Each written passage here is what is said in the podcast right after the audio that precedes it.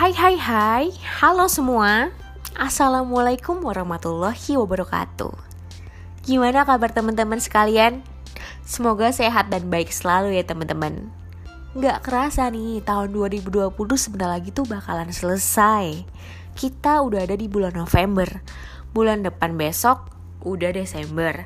Dan bulan depannya lagi kita sudah menyambut Januari 2021 Yang mana? Berarti kan waktu tuh cepet banget berlalunya. Bener-bener gak kerasa.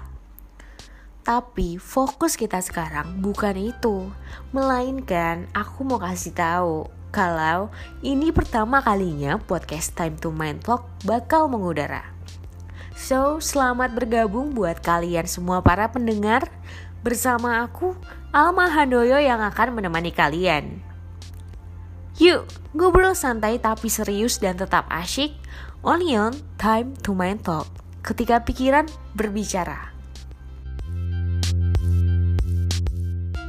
Aku yakin banget kalau sebagian besar dari kita semuanya banyak menghabiskan waktu di dalam rumah Apalagi tindakan yang kita lakukan sekarang ini merupakan tindakan untuk kebaikan kita bersama demi mematuhi protokol kesehatan yang ada. Nah, sekarang aku mau tanya. Kalau boleh tahu, kegiatan kalian di rumah ngapain aja sih? Mungkin nonton Netflix, baca buku, kuliah online, ngerjain tugas, um, shopping, atau main game. Kalau aku pribadi, aku bakal milih yang terakhir. Yap, pastinya aku bakal milih main game.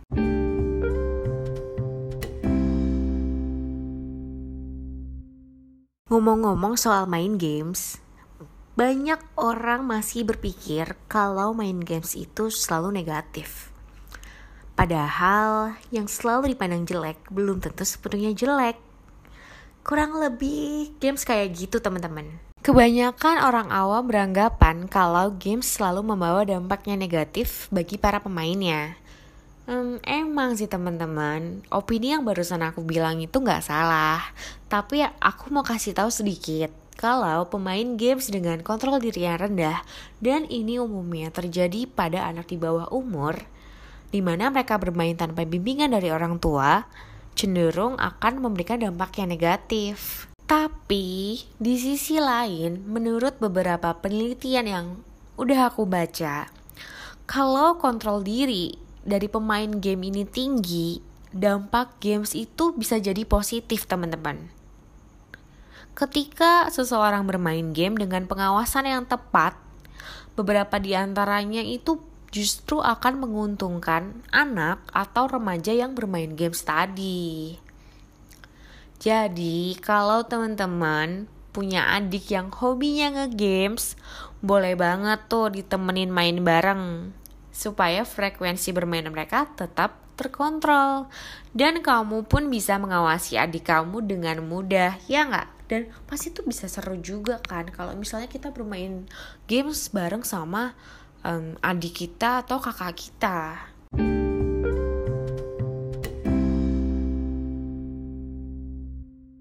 Nah, sekarang aku mau berbagi sedikit tentang fakta-fakta menarik soal games.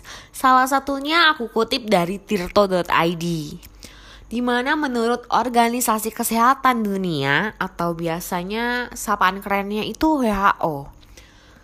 Games dianggap bisa menjadi hobi yang sehat, terutama di masa pandemi kayak sekarang ini.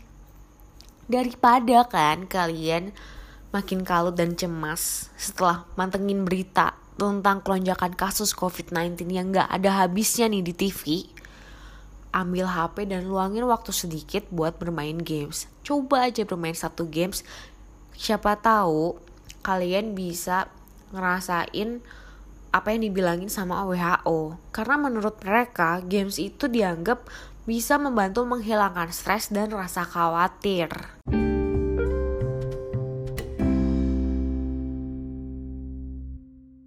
Nggak sampai situ aja teman-teman. Aku mau berbagi fakta lain tentang games. Dan ini aku kutip dari tempo.co. Kementerian Pemuda dan Olahraga serta Komite Olahraga Nasional Indonesia ternyata udah mengakui e-sport secara resmi sebagai cabang olahraga prestasi di Indonesia. Gila nggak tuh? Games online loh. Dan keputusan ini diputuskan melalui rapat kerja nasional yang berlangsung secara virtual pada tanggal 25 sampai 27 Agustus 2020 lalu. Berita tadi membawa kabar baik untuk para pemain e-sport di Indonesia karena membuka peluang bagi para pemain untuk bisa ikut dalam kompetisi resmi tingkat nasional. Jadi mungkin bisa diperkirakan ya, ke depannya bakal banyak banget kompetisi e-sport di Indonesia. Untuk kalian yang bertanya-tanya, kenapa sih e-sport kan cuma games doang. Masa bisa sih dianggap jadi olahraga resmi gitu kan?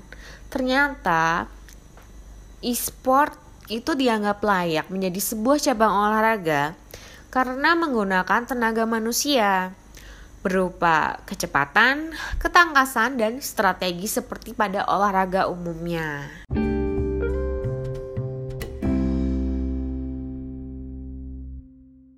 Bicara tentang e-sport ya teman-teman Ada berita yang mau aku bagi ke kalian Jadi di awal bulan Agustus kemarin Sekitaran tanggal 6 sampai tanggal 9 Kalian tahu nggak?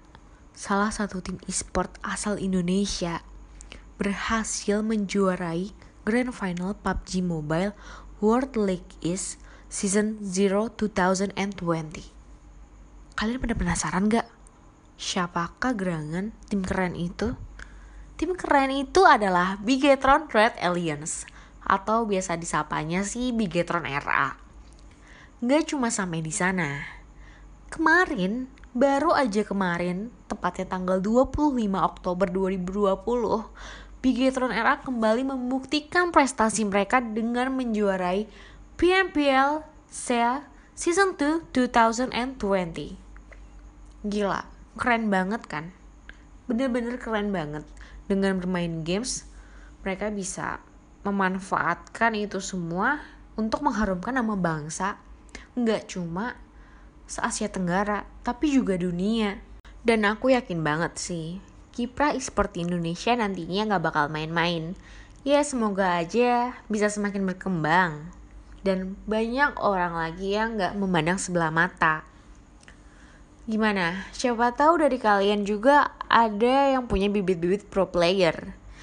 Cuma bermain, dibayar, bisa mengharumkan nama bangsa, terkenal lagi.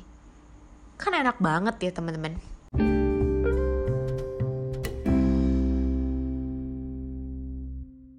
Wah ternyata udah banyak banget yang kita bahas dari tadi ya Mulai dari pros and cons tentang game terus e-sport, lalu ada Bigetron RA juga. Nah, sekarang aku mau kasih tahu sedikit bahwa selain bermain, games online juga berpotensi membantu meningkatkan pola pikir kalian loh. Gak diduga kan? Sama, aku juga gak ngeduga. Kreativitas dalam pemecahan masalah ini bisa terasa kalau kita sering bermain games Selain itu juga bisa melatih ketangkasan. Karena nih ya teman-teman, kalau kita bermain games, kita nih akan dipaksa untuk mikirin strategi dan mikirin gimana caranya supaya tetap bertahan. Jadi istilahnya bakal bisa lebih cerdik gitu. Makanya kalau misalnya kita udah terbiasa bermain game, biasanya orang-orang yang bermain games ini pikirannya akan lebih kreatif dan solutif ketika menghadapi berbagai permasalahan yang terjadi di kehidupan sehari-hari. Tapi, saran dari aku, sebisa mungkin kalian harus tetap bisa mengontrol diri dalam mengalokasikan waktu kamu untuk bermain ya. Jangan sampai karena keasyikan bermain terus, tugas kuliah atau tugas sekolah yang harusnya jadi prioritas justru malah terbengkalai. Selalu utamakan kepentingan yang lebih darurat daripada bermain. Saran dari aku sih, misalnya otak lagi sumpek banget tapi tugasnya numpuk, kan biasanya dilema tuh. Pilihan terbijak balik lagi dengan mengerjakan tugas lebih dulu. Dan pastiin kita harus bisa mengontrol diri kita sendiri. Mana yang penting, mana yang urgent, mana yang opsional untuk dikerjakan lebih dahulu. Kalau tugas udah selesai dikerjain, rasanya pasti bebas kan mau ngapain aja. Nah, gimana teman-teman? Bisa dilihat kan dari apa yang kita udah obrolin tadi. Ternyata selain dampak negatif yang selama ini kita tahu, tersirat dampak positif yang ternyata belum kita ketahui. Game menyimpan banyak hal baik yang nggak diduga-duga. Pesan dari aku, apa yang terlihat buruk tidak akan selamanya terlihat buruk pula. So, don't judge the book by its cover. Aku, Alma Handoyo, berterima kasih sekali kepada kalian semua yang sudah meluangkan waktu untuk mendengarkan podcastku. It's time to mind talk ketika pikiran berbicara. Sampai jumpa di lain waktu. Wassalamualaikum warahmatullahi wabarakatuh. Bye bye.